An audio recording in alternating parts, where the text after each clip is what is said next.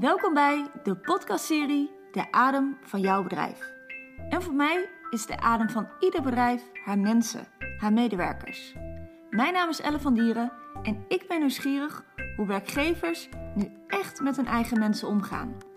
Daarom ga ik in deze podcastserie op onderzoek uit en interview ik iedere keer een andere gast. Deze gasten zijn HR-managers, directeuren, vitaliteitscoaches, mensen die snappen dat de medewerkers hun meest belangrijke asset zijn. Kortom, een podcastserie over goed werkgeverschap, werkgeluk, vitaliteit, fysieke en mentale gezondheid en aan het werk. Wat voor jou goed om te weten is dat ik naast ondernemer en trainer ook yogadocent en ademcoach ben.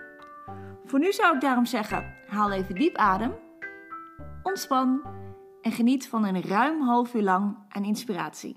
Welkom bij weer een nieuwe aflevering en vandaag ook weer een nieuwe gast tegenover mij. En ik zou kort beginnen met een introductie, um, maar ook vooral de locatie waar ik ben. Ik ben vandaag, uh, begint er iemand te lachen hier. Ik ben vandaag in de mooie Helmond op de Brainport Human Campus. Ooit uh, 23 jaar geleden startte dit bedrijf als um, familiebedrijf, maar inmiddels is het een familie van bedrijven.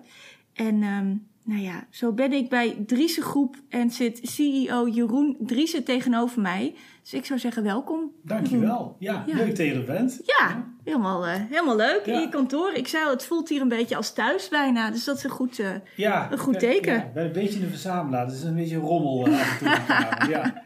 Nou, het ook vooral gezelligheid. Um, en Jeroen, we gaan het in deze podcast altijd hebben over goed werkgeverschap, vitaliteit.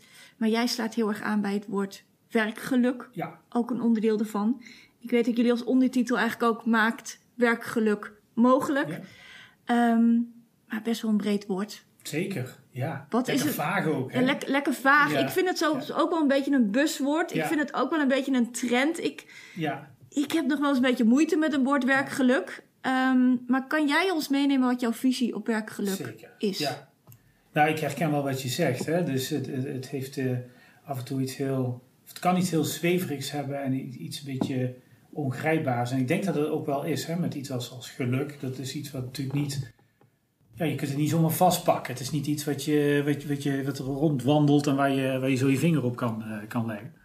Ik denk wel dat het iets is wat heel belangrijk is. En als ik voor mezelf eigenlijk kijk, en dat probeer ik ook eigenlijk altijd wel te doen, ook als, als ondernemer zijn, ik probeer dingen wel vaak ook, um, ja, die wat moeilijk te duiden zijn, ook concreet te maken. Hè? Ja. Dat je, uh, vaste vorm ook uh, te geven. En voor mij is werkgeluk um, samen gave dingen doen die ertoe doen.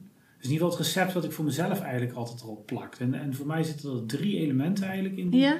in die definitie. Ten eerste gewoon gave dingen doen. Ik denk dat het gewoon heel belangrijk is dat je in je werk leuke dingen doet. Dingen doet die je, die je leuk vindt, waar je ogen van gaan twinkelen, waar, waar je plezier in hebt, waar je goed in kan worden, waar je een ambacht in kan ontwikkelen. Dat, dat, is echt belangrijk, denk ik. Dat het in, in fijne omstandigheden plaatsvindt. Dus meer de pleasure component ja. van, uh, van, van werk. Het tweede element is uh, uh, dingen doen die ertoe doen. En dat is veel meer de purpose kant hè, van werk. Je moet wel het gevoel hebben dat datgene wat je aan het doen bent, dat dat ertoe doet. dat kan voor jezelf zijn, dat kan voor anderen zijn. Ik denk dat een van de grootste werkgelukkillers eigenlijk wel is dat je iets doet waar je veel tijd en energie aan besteedt en waar vervolgens eigenlijk niemand naar omkijkt of wat in een la gaat.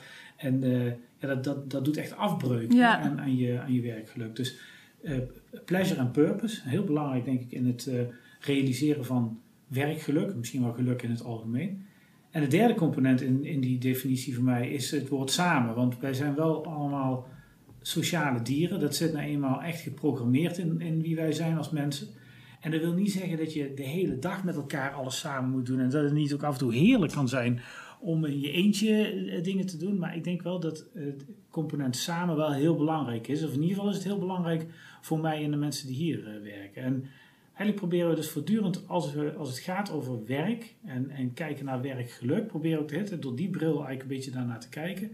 Draagt het bij aan het gevoel van dingen samen te ja. doen? Uh, zijn mensen eigenlijk bezig met dingen waar ze ook plezier in hebben, waar ze goed in zijn, waar ze zich in kunnen ontwikkelen, waar ze een ambacht in kunnen ontwikkelen.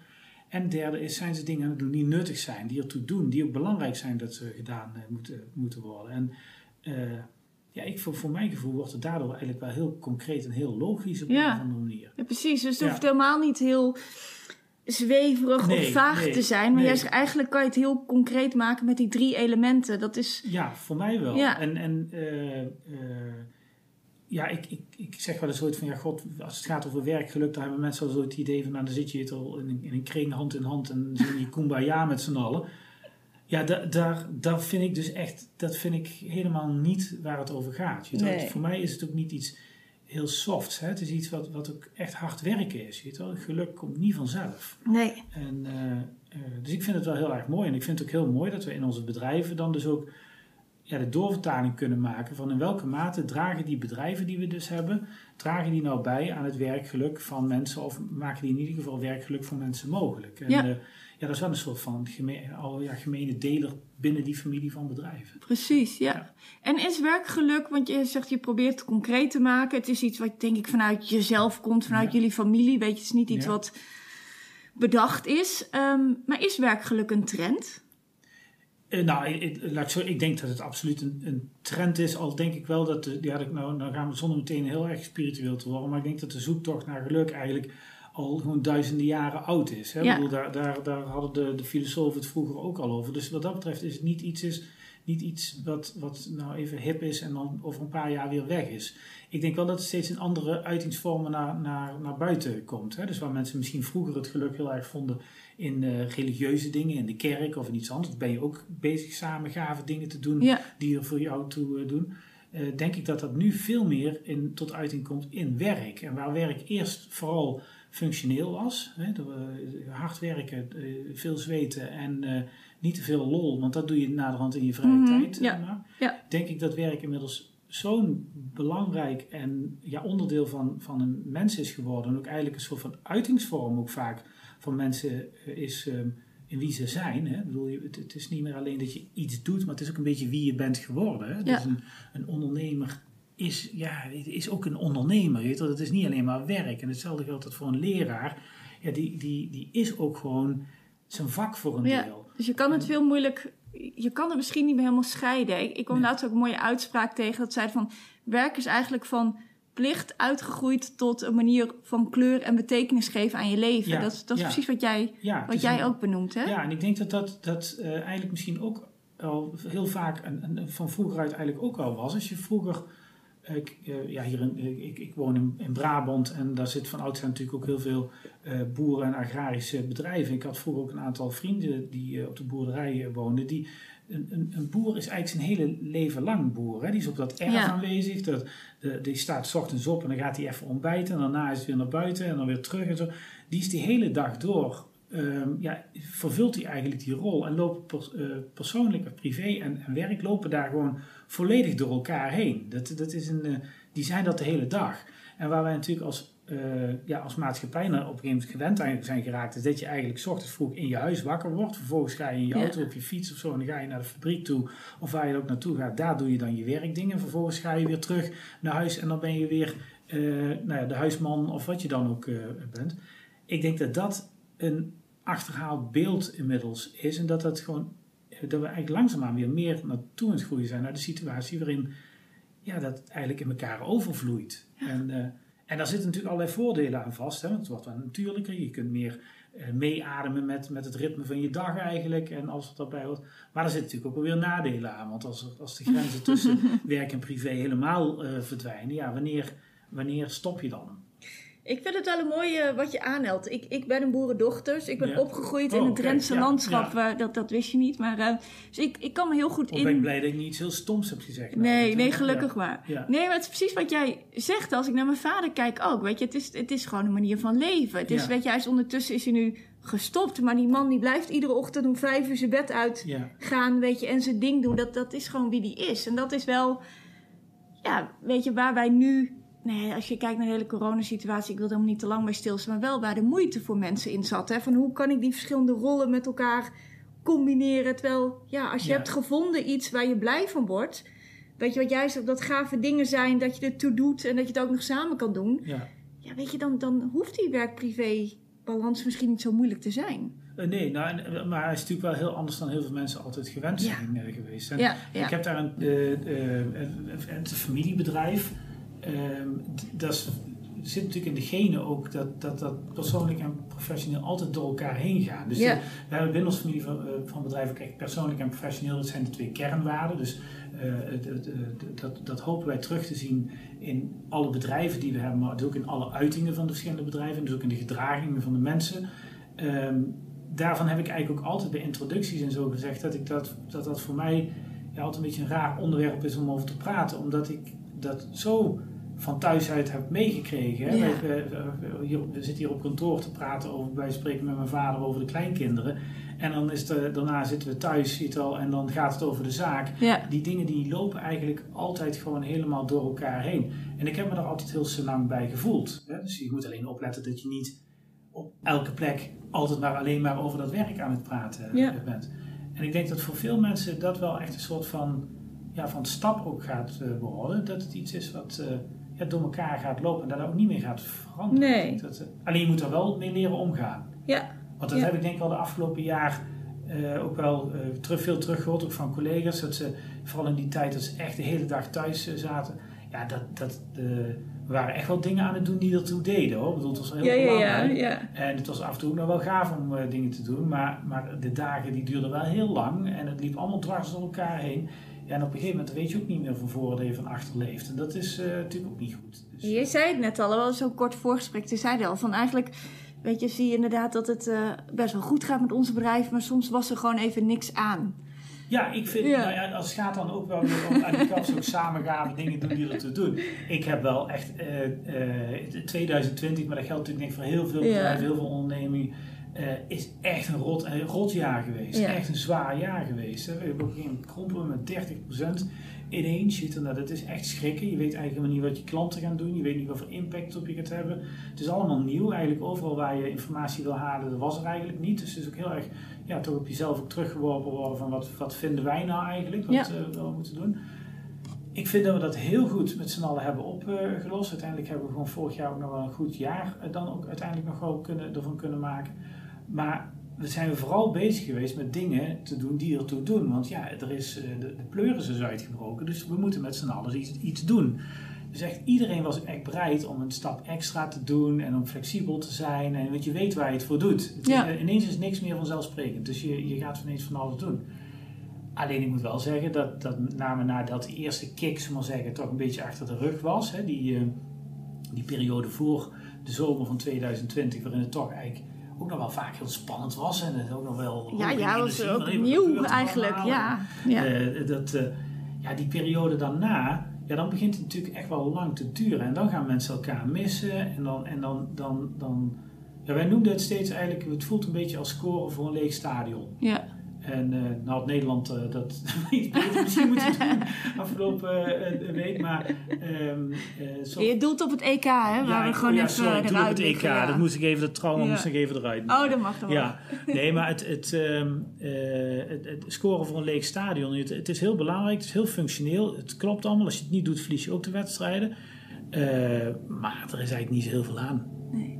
En ik denk dat dat echt wel hetgeen is waar tenminste in ieder geval veel van mijn collega's, ik zelf ook echt wel behoefte aan, uh, aan, aan heb gekregen, met name de afgelopen maanden, om ook gewoon weer lekker leuke dingen ook te doen. Je dat er ook weer uh, licht en, en luchtigheid in het werk mag komen. En dat het niet meer alleen produceren is, maar ook gewoon leuke, lollige dingen met elkaar meemaken. Ja, als je nog, nog terugblikt, zeg maar op de afgelopen periode, maar ook vooral nu, weet je, werkgeluk is voor jullie een belangrijk thema. Ja. Je hebt acht verschillende bedrijven, weet je.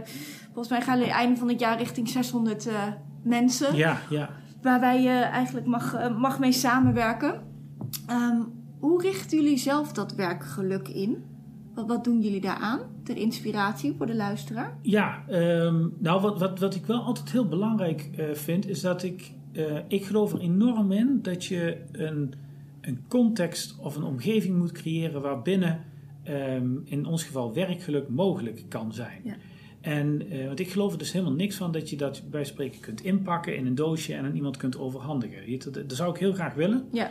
maar dat, zo werkt het niet. Weet wel? Je, ik zou ook wel eens, als ik een potje moed kan verkopen aan iemand, of een potje geluk. Ja, ja. Uh, overigens nou, blijkt dat dat dan ook veel minder weer geluk oplevert, omdat je het dan niet zelf hebt gedaan. Het schijnt ook weer zo, bedoel, dus je hersenen hebben allerlei ellendige dingen die ervoor zorgen dat je dat uiteindelijk dan toch minder ervaart.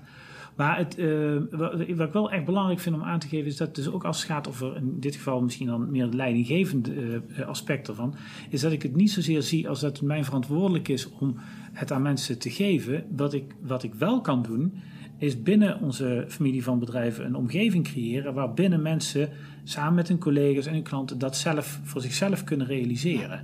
En ook zelf daar uh, vorm aan kunnen geven. Want uh, werkgeluk voor een software developer is echt helemaal anders ja. dan voor een intercedent of dan voor een salarisadministrateur. Ja. Dus um, uh, de valkuil is denk ik dat je heel vaak de neiging hebt om bij spreken je eigen perceptie van wat, wat voor jou werkt, om dat een beetje dan als mal te pakken en dat te plakken op het gedrag van anderen. Daar zijn we echt wel van afgegaan. We hebben gezegd nee, onze taak is het om gewoon een goede omgeving te creëren, een gezonde uh, omgeving te creëren, uh, die, uh, waarin mensen dat ja, op een lekkere manier samen gave dingen kunnen doen die er voor hen toe doen. Ja. En ik denk dat we inmiddels, want wij zijn daar een jaar of acht, negen geleden echt ook heel concreet al mee begonnen met, dat ter, met die term werkgeluk, met alles wat daarbij hoort. Wat dat betreft denk ik wel dat we erg aan de voorkant zaten ja, van wat je dan wel. nu de, de trend zou kunnen noemen. Ja. Inmiddels is dat echt ja, in alle genen van het bedrijf eigenlijk doorgedrongen. Dus bij sollicitatiegesprekken gaat het over werkgeluk. campagnes gaan over uh, werkgeluk. Uh, uh, we hebben er grapjes en boeken over. En je, het is een soort van normale manier van, van, van werken geworden.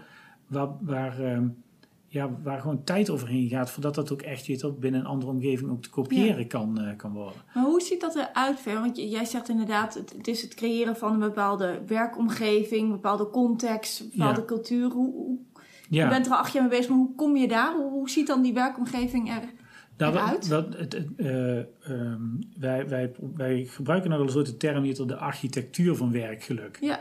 Oh, dus, mooi. dus ja. de, dat je, uh, net zoals dat je een architect bent, dat je eigenlijk een beetje kijkt naar ja, wat voor type gebouw zou hier nou moeten komen te staan en wat, wat, wat, wat voor gedrag wil ik daarin zien en voor welke gebruikers is dat. Zo zou je dat eigenlijk ook voor werkgeluk kunnen doen. Dus een, een, uh, en uh, als de definitie van werkgeluk voor ons is samengave dingen doen die ertoe doen, dan moet je dus je organisatie zo gaan inrichten dat je eigenlijk aan die drie dingen voortdurend blijft draaien. Dus wij leggen enorm de nadruk op samen. Dus uh, dat is niet dat organisaties die dat minder hebben, dat dat niet deugt of zo. Maar voor veel mensen binnen onze familie van bedrijven is dat een hele belangrijke component. Daarom komen ze bij ons ook werken. Hè. Ze komen vaak van grotere organisaties af, waarin ze misschien net wat meer op afstand of iets meer een nummer. Uh, uh, jullie zijn, zijn ook een grote organisatie ondertussen. Ja, alleen wel heel erg geknipt in kleinere onderdelen. Ja. en ook juist om die reden. Precies, dus, ja. Zodat het weer klein ook kan, kan zijn. Dus dat samen proberen we overal in te doen. We hebben heel veel activiteiten die daarop gericht zijn. Dan moet je denken aan bedrijfsfeesten, maar ook gezamenlijk lunchen eigenlijk altijd. Als, de, als corona weer weg is, dan mag dat allemaal hopelijk ook weer snel uh, beginnen. Dus uh, uh, gezamenlijk lunchen. We hebben allerlei leuke verenigingen die dingen Ook een beetje doen. Brabantse zit erin, hè? Uh, ja, de Bourgondische zit er in ieder geval in, laat ik zo uh, zeggen. Dat, uh, nou, het, het, het, een beetje genieten van het leven, dat is ook wel heel belangrijk, ja, denk ik. Hè? Ja. Dus, samen genieten. Samen genieten, ja. ja. Dat denk ik dat dat echt wel belangrijk is. Dus we doen daar echt veel aan. We cultiveren dat echt. Proberen ook voortdurend een soort van gevoel van saamhorigheid ook wel um, ja, centraal te, te, stellen. Zonder daarbij te zeggen dat mensen niet een eigen verantwoordelijkheid hebben. En dat ze je dus alleen maar kunnen verschuilen in die groep van samen. Maar je moet het wel met z'n allen doen. Dat vinden wij gewoon belangrijk. En ja. dan merk je ook dat daar of mensen heel erg fijn vinden. Maar er zijn ook echt mensen die op een gegeven moment denken: Gadverdamme, ik ben er wel klaar mee hier. Je er dus dat is ook, ja, er is ook niks mis mee. Dus gewoon niet de sfeer die dan heel erg bij je past.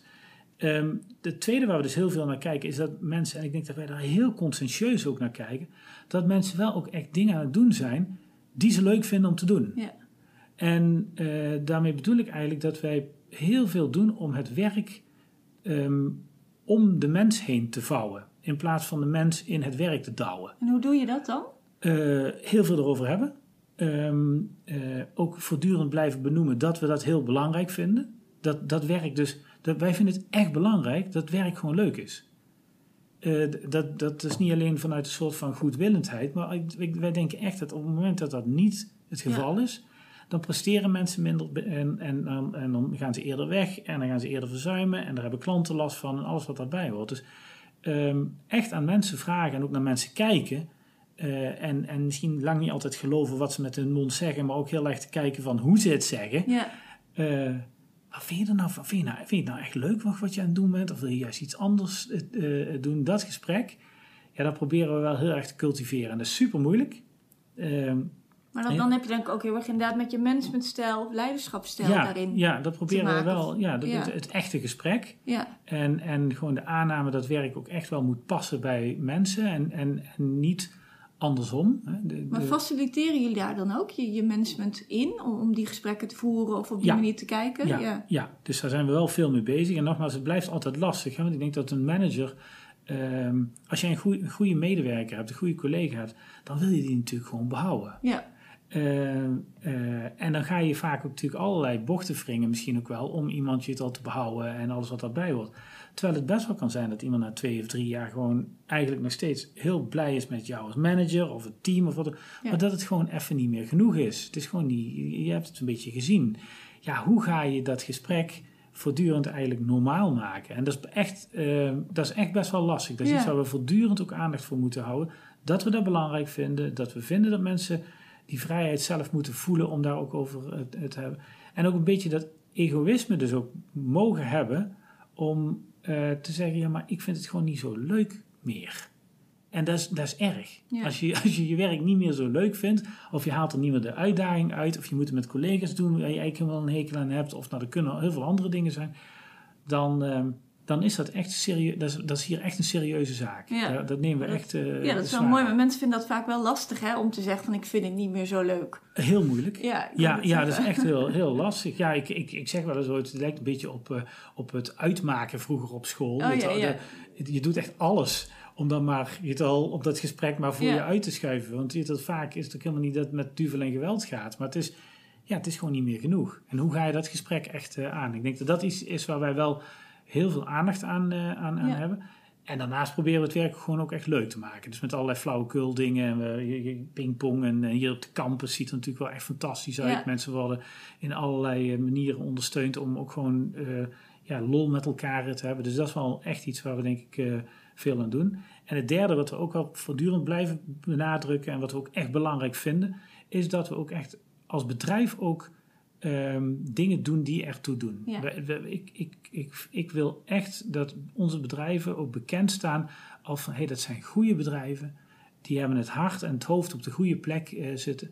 En die doen iets wat ook iets doet voor de maatschappij. En daarom is onze keuze bijvoorbeeld om uh, te werken voor de publieke sector. Dat is iets wat eigenlijk ja, helemaal in het begin, gewoon, mijn vader was ambtenaar en is voor zichzelf begonnen. En dan is het heel logisch dat je natuurlijk begint in de sector waar je verstand van, uh, van hebt. Maar uiteindelijk is dat uh, ja, van een soort van opportunistische keuze, is dat wel echt een, een overtuiging ook geworden. Wij werken voor waardegedreven organisaties. Dat wil niet zeggen dat die per, maatschappelijk gedreven organisaties, uh, overheid, onderwijs, zorg en welzijn, omdat, dat, omdat we dat ook heel mooi vinden dat we daar ook een rol voor kunnen spelen. Omdat we via hen eigenlijk ook weer een maatschappelijke bijdrage ook, uh, leveren. En als je dat ook maar voldoende blijft uh, belichten, dan denk ik ook dat mensen meer gevoel ook krijgen bij dat, dat, datgene wat ze doen, dat dat ook echt belangrijk is. Ja, maar dat, dat is wel mooi wat je zegt. Je hebt dus een hele bewust die niche gekozen. Weet je, na 23 jaar zit je daar nog steeds in. En eigenlijk wat je doet, wij blijven voor deze niche, blijven wij ja, nog meer dingen faciliteren. Want Weet je, ik vroeg zo voorgesprek ook keer aan jou. Gewoon zoveel verschillende bedrijven. Wanneer houdt het op? Of wat komt erbij? En waar komt dan alles vandaan? Um, maar hoe ontstaat dat dan allemaal bij jullie? Elke keer weer zo. Ik zie dan weer een heel mooi nieuw label. Ja, ja, ontstaan. ja, de, ja een van de, van de uh, gevolgen, uh, want ik geloof enorm in groei. Ja. Ik denk echt dat groei uh, dat, dat, dat, dat zit echt ingebakken bij alles en iedereen eigenlijk wel. Dat is iets moois. Ja. Ik zeg niet dat je ongebreidelde groei of ongecontroleerde groei moet hebben. Dat is ook niet goed. Maar het, het gevoel dat de dag van morgen misschien net wat leuker of wat mooier is dan de dag van vandaag. Ik vind dat dat wel een heel belangrijk punt is als, als het gaat ook om, om creëren van werkgeluk en, Ja. en alles wat daarbij hoort. Dus, dus wij vinden echt dat ehm, professionele groei en het ehm, groei van onze familie van bedrijven, dat maakt ook weer heel veel groei van mensen mogelijk. Ja. En dat is. eh, en dat is ook een van de redenen waarom heb ik, heb ik- heb ik gezegd van luister, wij willen van familiebedrijf naar familie van bedrijven. Op een gegeven moment was het zo groot aan het worden. We waren toen met 250 mensen. We kenden elkaar eigenlijk niet goed allemaal meer. Het zat allemaal onder één dak. Je bent eigenlijk de helft van de tijd, tenminste ik, eh, de weg kwijt in je eigen organisatie. Laat staan hoe, de- hoe klanten daarmee om eh, moeten gaan. Op een gegeven moment heb ik gezegd, dat, dat, dat, ik zeg niet dat dat fout is, maar het is niet wie wij Nee, zijn. voelde, nee, en, goed. en, nee. en dus hebben we gezegd, laten we nou gewoon gaan knippen. En laten we gaan knippen op activiteit. Ehm, maar wel steeds opgehangen weer aan die publieke sector. Ja. En als je dus wil groeien in een niche, dan die niche is op een gegeven moment, ja, dat is een gelimiteerde markt. Dat is niet dat daar heel veel nog bij eh, komen. Ja, dan moet je ook in de breedte gaan groeien. Ja. Dan moet je nieuwe diensten gaan bedenken. En voor ons is dus eigenlijk de groeiformule. ehm, eh, die een beetje eruit is gekomen de afgelopen jaren en die we dus ook heel erg nu aan het doortrekken zijn, is ehm, steeds weer nieuwe activiteiten opzetten in dat domein van mens en werk, eh, die relevant kunnen zijn voor onze opdrachtgevers in die maatschappelijk gedreven sectoren.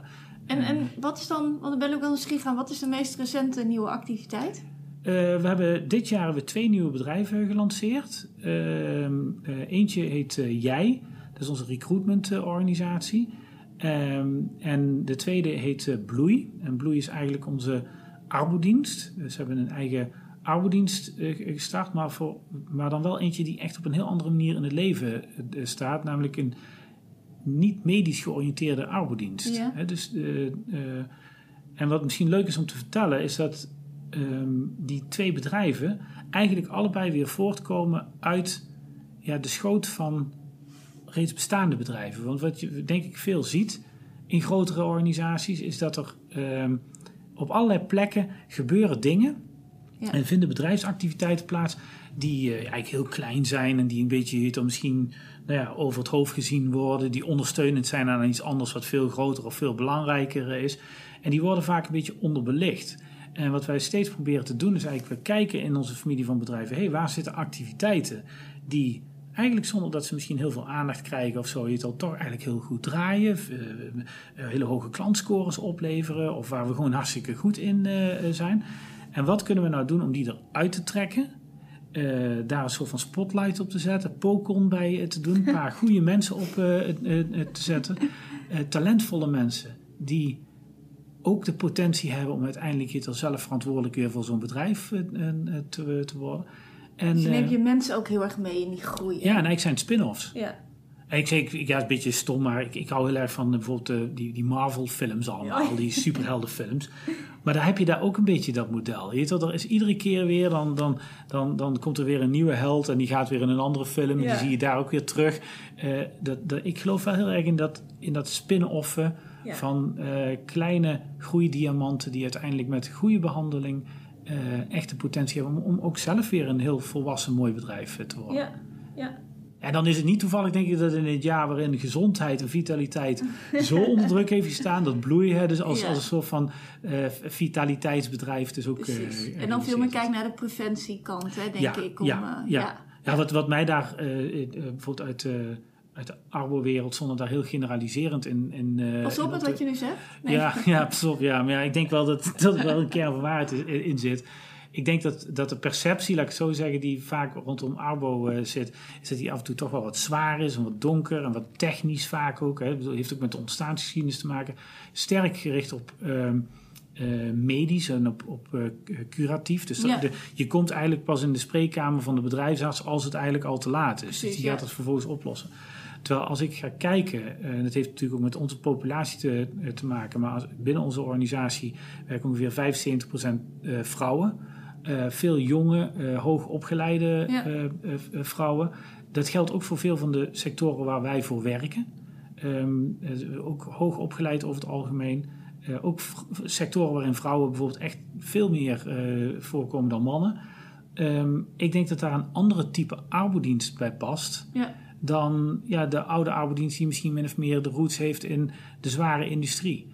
En, het, ehm, en ik denk dus dat, je, dat, dat voor preventie en veel meer psychische problematiek. En ehm, ik denk dat dat veel meer het zwaartepunt eigenlijk gaat krijgen als het gaat over vitaliteit de komende jaren, dan echt het genezen van ja, de, de, de, de, ja, de ziektes die hier echt voorkomen. Ja, ja. dat is niet zo gek. We hebben hier ook die HRM-barometer liggen. Volgens mij weer het meest recente onderzoek wat is gedaan door onder HR-managers, medewerkers binnen de publieke sector.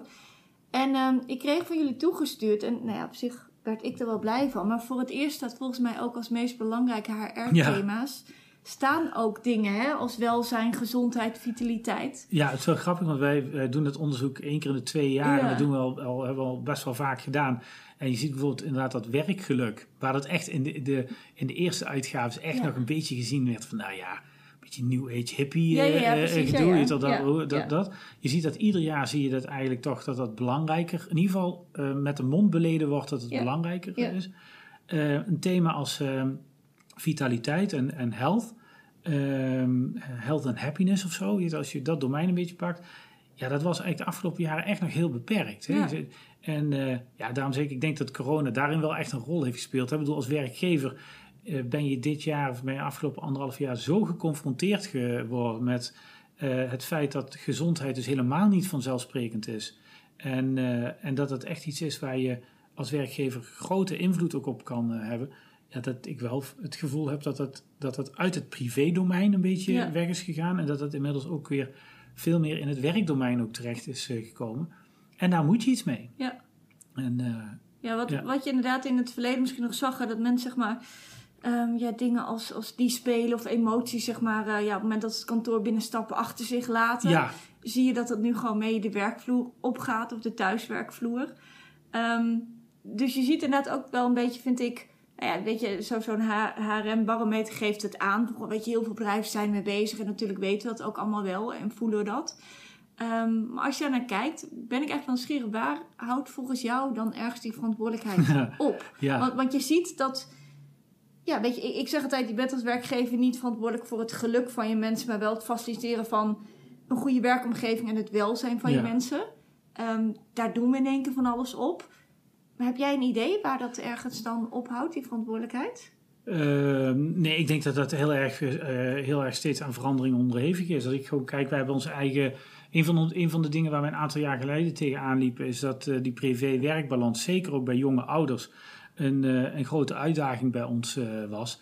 Um, op een gegeven moment zijn we, oké, waar, zit dan de pijn? Nou, dat zat onder andere in de kinderopvang en het feit dat de kinderopvang helemaal niet meebeweegt met de werkuren van de ouders of weinig flexibiliteit hebben. En ik had zelf, mijn kinderen zijn inmiddels net wat ouder, dus die zijn er al een tijdje nu uh, uit, zullen maar zeggen. Maar uh, ik, ik kan me nog heel goed dat gevoel ook herinneren dat je je kind naar de kinderopvang brengt. Dan voel je je al half een ontaarde ouder, zullen maar zeggen. En als, en als je dan in de file staat en je weet dat zo'n kwart voor zes op de stoep uh, buiten staan met rugzakje om, dan, dan, dan doet dat echt iets met je laat ik zeggen, met je levensgeluk en dus ook met je werkgeluk. Uh, dus op een gegeven moment hebben we gezegd, nou kunnen we daar niet iets voor verzinnen dan? We hebben veel jonge ouders, veel hoogopgeleide, veel mensen die gewoon ook echt iets willen, maar, maar niet ten koste van alles. Dus toen zijn we onze eigen kinderopvang hier op de campus ook gaan organiseren voor onze eigen collega's. Ja, daar kregen we in het begin ook echt wel veel vragen ook over, ja, moet je dat nou wel willen? Is, dat, is dat niet veel te privé? Uh, ja, ik denk dat je daar heel serieus over na moet uh, denken. En dat hebben we dus ook gedaan. Hè. We, we, kwamen erachter, oh, rare dingen. Of tenminste dingen waar je helemaal niet over nadenkt. Mensen waren bang dat als hun kind het kind van de baas je al een schop gaf of, of een keer beet oh, of zo. Dat het dan, je dan een functioneringsgesprek terug zou komen bij ze spreken. Of uh, wat gebeurt er met de kinderopvang op het moment dat ik je er wegga? Moet mijn kind dan ook weg bij de kinderopvang? Allemaal van dat soort eigenlijk heel fundamentele vragen. Het kwam in één keer dichtbij of zo ja, voor ja. Ja, dus in eerste instantie... Een kind mee in mijn werkomgeving. Ja. En, en hetzelfde hebben we ook gezien bijvoorbeeld met sporten hier of zo. In eerste instantie zegt iedereen daar ja, leuk, fijn, mooi. Maar als je dan eenmaal gaat doordenken van hé, hey, wat, uh, ja, waar begint dat privé en waar, uh, waar begint dat werk, ja, dan, begint dat, dan is dat iets wat in elkaar over begint te vloeien. En mijn gevoel is wel, uh, even, even los van wat ik daar dan inhoudelijk van vind, maar mijn gevoel is wel dat in Nederland is het wel zo dat de werkgever voor heel veel zaken, ook op het gebied van verzuim en al dat soort dingen, gewoon financieel, maar ook moreel verantwoordelijk gesteld wordt. er zijn maar weinig landen te vinden eh, ter wereld waar de, bijvoorbeeld de kosten als gevolg van verzuim zo direct op het bord van werkgevers terechtkomen. Als mensen gaan skiën en ze breken hun been, dan betaal, eh, dan betaal je in, in, Nederland betaal je als werkgever de rekening daar, uh, daarvoor. Terwijl dat in heel veel landen gewoon niet gebruikelijk is. Hè? Dus dat, dus, en ik zeg niet dat dat goed of fout is. Het is alleen wel een feit dat de werkgever in Nederland ehm, een, een, groot belang heeft bij het beperken van verzuim van zijn mensen. En als je ergens verantwoordelijk voor bent, financieel, ook moreel, hè, want er wordt ook vaak heel mhm. erg een appel daarop gedaan. Hè, van je moet goed voor je mensen zorgen. Als je dat al niet vanuit jezelf doet, dan is dat wel iets wat vanuit de maatschappij ook uh, wordt meegegeven. Ja, dan is het niet gek dat werkgevers ook gaan nadenken van waar kan ik dan invloed op uitoefenen. En uh, ik denk dat het wat dat betreft ook kijk, dan weer steeds een beetje weer meer gaat lijken op uh, ja, bijvoorbeeld de oude Philips-tijd. Helmond ligt onder de, onder de rook van Eindhoven. Nou, Eindhoven is ontstaan min of meer uit Philips. Ja als je kijkt wat die uh, eigenlijk aan, het begin van de vorige eeuw allemaal al deden voor hun medewerkers. Hè, een eigen sportvereniging, eigen kruidentuin, eigen supermarktje, eigen, eigen alles eigenlijk. Om er maar voor te zorgen dat die mensen gezond uh, en, en een beetje gelukkig aan het, aan het werk uh, waren. Want daar zat voor, de, voor, voor Philips natuurlijk ook de, de drijver. En ik denk dat wat je nu steeds meer weer terug gaat zien, ook bij die grote techbedrijven en zo, is dat die ontzettend ver gaan in het ontzorgen, faciliteren, faciliteren van, van hun medewerkers. Ja. Eh, ehm, eh, hier in Eindhoven heb je hele wijken die door Philips uit de grond zijn gestampt, waar mensen vroeger gingen wonen. Nou, dat vonden we, daar hebben we echt honderd jaar heel raar gevonden met z'n allen. Maar inmiddels zie je het in Amerika ook weer ontstaan hè, bij de grote bedrijven. En, dus ik, is dan ook niet een gevaar dat, dat medewerkers te afhankelijk worden van? Kijk, ik kan me voorstellen, jullie hebben hier Weet je, een fantastische campus. Weet je, ik kan hier eigenlijk alle faciliteiten die ik kan bedenken, kan ik hier benutten. Maar stel je voor dat ik mijn werk dan toch niet meer zo leuk vind. En ja. ga het gesprek met jullie aan, maar we blijven tot de conclusie dat ik het niet zo leuk vind. Dan zit wel mijn kind hier ook op de opvang. en ik sport hier ook nog. En hoe, denk je daarover na? Want aan de ene kant faciliteer je heel erg, maar aan de andere kant kan het voor mensen ook best wel. Ja, om dan een andere stap te zetten, is het ook nou wel weer moeilijk. Je, je, en daarin, en daarin want daar raak je natuurlijk gewoon denk ik een heel belangrijk punt. Hè? De, uh, en als je lid wordt van een familie, uh, familie is, daar kom je niet zo 1, 2, 3 binnen, maar ga je ook niet zo 1, 2, 3 nee. weg. En voor een deel is dat ook wat je wil als werkgever. Hè? Ik bedoel, het is ook echt daarom profileren we onszelf ook. Uh, zo, zo, voelt dat ook. Hè? We willen ook echt voor elkaar zorgen. En ik, en, en ik geloof er niet in dat je zomaar het al even, zomaar voor kort even bij elkaar. Uh, als je een relatie met elkaar aangaat, en ook een arbeidsrelatie, dan doe je dat. Uh, omdat je gewoon echt ook bij elkaar wil zijn en ook bij elkaar wil, wil horen. En dat hoeft niet tot in de eeuwigheid te zijn, maar er zit wel een soort van ook een emotionele uh, connectie en niet alleen een transactionele relatie. Um, wat je doet inderdaad wel, is door het koppelen van eigenlijk iets wat eerst technisch was met ook een soort van emotionele uh, relatie, is ja, mensen gaan wel extra nadenken over, hé, hey, als ik nou dit opzeg, dan, dan val ik ook ineens uit mijn vriendengroep of uit mijn netwerk. Um, ik denk dat je daar heel zuiver mee om moet gaan. Ik denk dat je er heel bewust van moet zijn. Ik vind dat je er geen misbruik van uh, moet uh, maken. Het is denk ik wel een, ook weer een soort van logisch gevolg van het feit dat wat eerst bijvoorbeeld allemaal door de overheid gedaan uh, werd. er lag heel veel zorgtaken en al dat soort zaken die lagen bij de overheid. Uh, wij hebben met z'n allen als, als samenleving hebben wij toch de weg ingeslagen om langzaamaan die overheid ook meer een faciliterende rol te uh, geven en meer bij mensen ook zelf uh, neer te leggen. Ja, en ik denk dat werkgevers steeds meer in dat gat springen eigenlijk. Ja. Gewild of ongewild. Hè? Dus dat, de, en uh, ik, ja, ik, ik, denk dat, dat het echt helemaal niet zo raar is als dadelijk ook weer uh, bedrijfsscholen gaan ontstaan als alternatief voor het regulier onderwijs. En uh, dat er misschien wel verzorgingsfaciliteiten ja, gaan komen. Denk je dat? Of, dat ja, zo ver gaan? Nou, ik zou er helemaal niet van opkijken als ik heel eerlijk ben. Waar, Wil jij de eerste zijn die het neerzet? Nou, uh, ja, misschien wel. Ik ben eigenlijk wel benieuwd hoe dat, hoe dat ja, is. Ik ook, ja. En, en, uh, en, en, en, en, zolang, de, zolang je daar op een uh, zuivere en open manier mee, mee omgaat, ja. ja. denk ik dat het echt ook waarde voor iedereen kan hebben. Maar het, is wel, maar het is wel, het is wel moeilijker. Ja, ik ben ook, want aan de andere kant hebben we ook zo die drang naar autonomie als mensen. Hè? Weet je, dat dat ook inderdaad een, een hele andere relatie met. met een werkgever, weet je, we willen vrijheid en we willen daarin ook onze eigen stemdruk. Precies Ja. wat jij zegt. Aan de ene kant kan je ze faciliteren, die werkomgeving. Je kan ze ontzien, ontzorgen. Maar aan de andere kant moeten dus wel... Ja, weer die drie elementen wat je aan het begin zei. Ja, ja, Weet je, er blijven te doen, mensen helpen groeien. Ja. Natuurlijk. ja. Nou, het is het. eh, en, ehm, ja, ik denk dat het iets is waar je gewoon de hele tijd heel bewust mee Ja. bezig moet zijn. En, en voor mij is het ook niet dat dat het ene goed of het andere fout is. Maar eh, ik vind, dat vind ik ook echt, en voel ik het ook, dat, ehm, dat je als werkgever een enorme positieve impact kunt hebben Ja. op eh, de mensen die bij je werken, op de klanten waar je voor werkt en ook voor de maatschappij en de omgeving waarin je eh, acteert. En eh, ja, dat, ik denk dat, dat een heel groot deel van geluk ook eigenlijk wel zit in het feit dat je het kunt delen of zo. Ja. En, en, en zolang de intentie goed is, de, de, de, ehm, ja, denk ik dat dat soort dingen wel zouden Ja. moeten kunnen. Waarbij ik altijd er wel voor waak eh, om, om te zeggen, ja oké, maar als het dan bij deze partij werkt, ja dan werkt het bij een ander ook. Dat denk ik dus Nee. niet. Want je hebt wel dus die context nodig waarbinnen Ja. dat past. Als jij een heel strak georganiseerd bedrijf bent, waarin je eigenlijk zegt, luister, eh, eh, het is van 9 tot 5, weet je, doet je ding en je gaat naar huis. Daar, daar heb ik geen. Dat is niet dat dat een minder bedrijf is, maar dat is gewoon een andere cultuur. Ja, dan is een kinderopvang echt een heel slecht idee. Ja.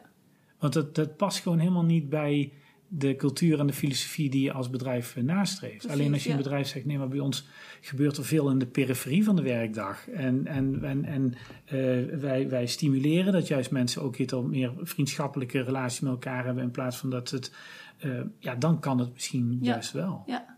Ja, dus dat- dan kom je ook heel erg terug inderdaad, een beetje bij purpose en, en cultuur. Ja. En, snap Wie wil je Dus- zijn als ja, bedrijf? En Ja, ik denk dat is ja, denk ik belangrijk. En, welke, en als jij dat weet, dan kan je ook bedenken hoe groot is mijn rol als werkgever. ja, Dan in het leven van de mensen die bij mij werken. En, daar, en daar maakt en dat is dus, je toch denkt dat als je een beetje dicht bij jezelf daarin ook blijft, ook als ondernemer eh, eh, zijnde, ja, dan ga je eigenlijk alles een beetje door die bril ook bekijken. Dus bijvoorbeeld een, van die dingen waar bij ons altijd ook een punt is verloop. Weet je, dat is bij ieder heel veel, je merkt het nu ook, hè, arbeidsmarkt is heel, heel eh, eh, krap, je al. En dan, de, dus eh, we gaan er een heel circus worden, denk ik, ook na de zomer, om het allemaal eh, goed met z'n allen op eh, te gaan vangen. we zeiden al, waar we vorig jaar wc-papier aan het hamsteren waren, zijn, zijn, we nu mensen, mensen. aan het hamsteren. hamsteren, Ja, daar heb ja. Ik, dat gevoel heb ik echt, ja. ja. Ehm, eh, maar verloop hoort er natuurlijk bij. Hè.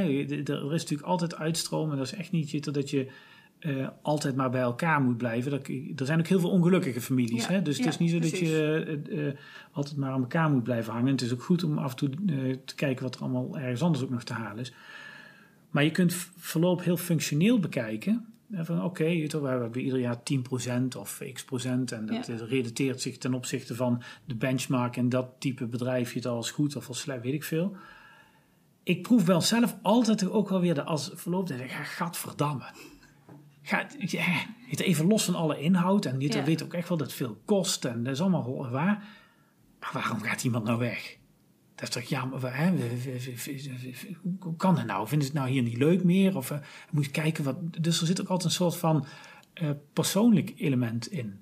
En eh, dat is denk ik iets wat, wat heel erg past dus bij zo'n organisatie waarin de cultuur en de samenhang niet aan en bij elkaar horen heel centraal staat. Ja. Als je dat niet belangrijk vindt, ja, dan, dan trek je je dat ook gewoon minder aan. Ja.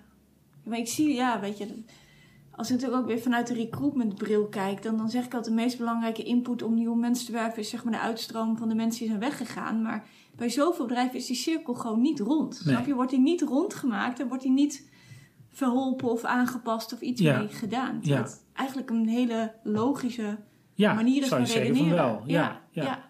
En, Ja, jammer eh, is dat. Ja, Hey, als laatste vraag om ook ehm, af te ronden. Als, nou ja, volgens mij heb je al heel veel inspiratie gegeven door jouw eh, kijk vooral, jouw visie eh, op werkgeluk. Maar als een bedrijf zou willen starten hiermee, of die denkt ik, ik moet iets, wat, wat, welke tip heb je? Wat, waar, waar moet iemand beginnen? Nou, ik vind dat je eigenlijk altijd gewoon bij jezelf moet beginnen.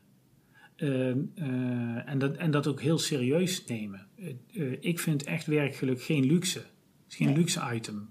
Van oké, dat is leuk. Laten we eerst even zorgen dat je het al de centen binnen hebben. En dan mag het ook leuk eh, worden. Ik denk echt dat eh, met name in, in eh, dienstverlenende organisaties, dan moet ik wel daar ook als extra bij opmerken, dat, dat uh, werkgelukkige mensen leiden tot gelukkige klanten. En, en, en dat is wat je, waar het je uiteindelijk ook om te doen is.